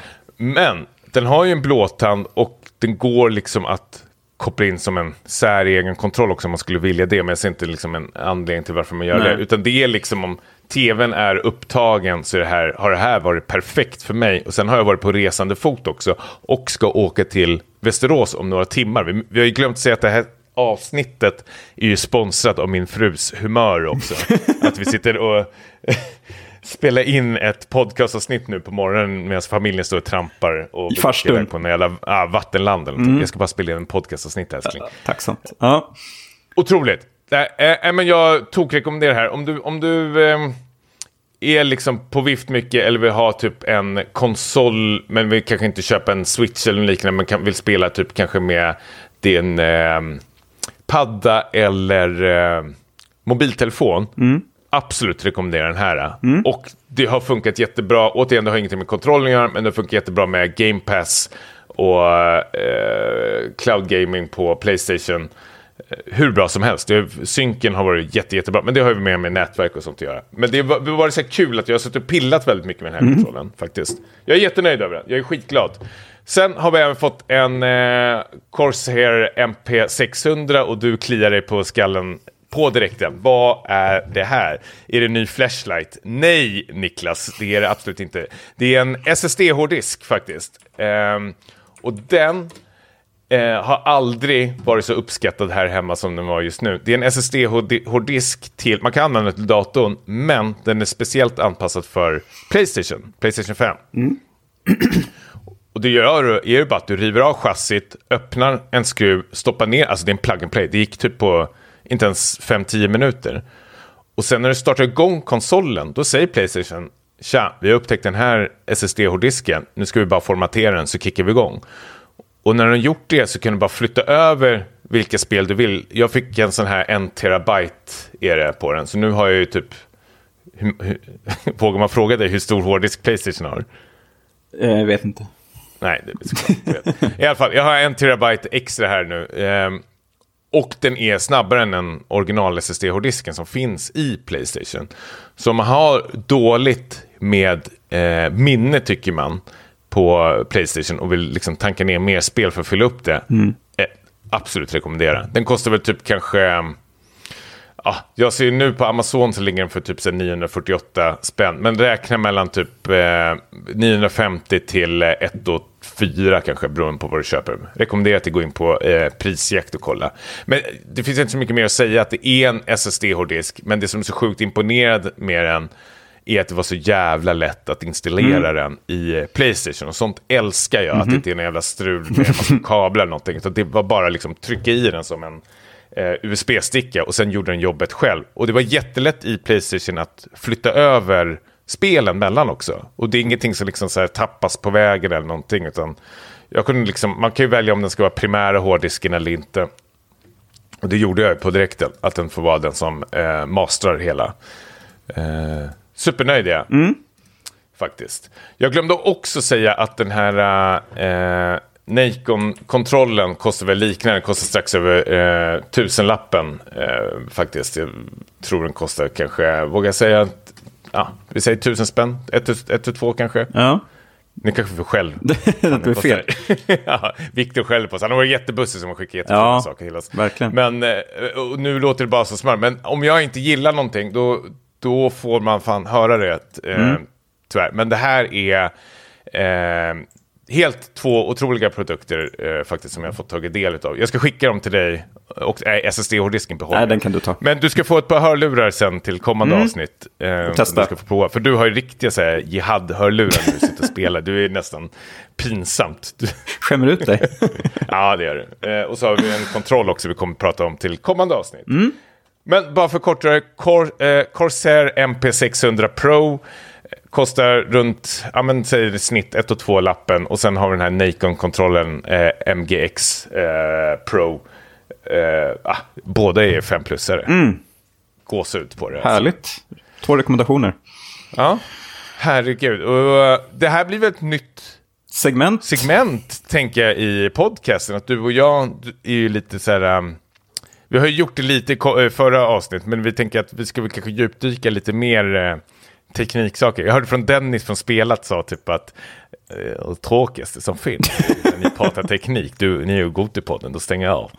Vart han skånska plötsligt också. Men, han har dialekt i alla fall. Ja, det är underbart. Eh, ja, men vi lägger det det sist kan- så kan han stänga av då.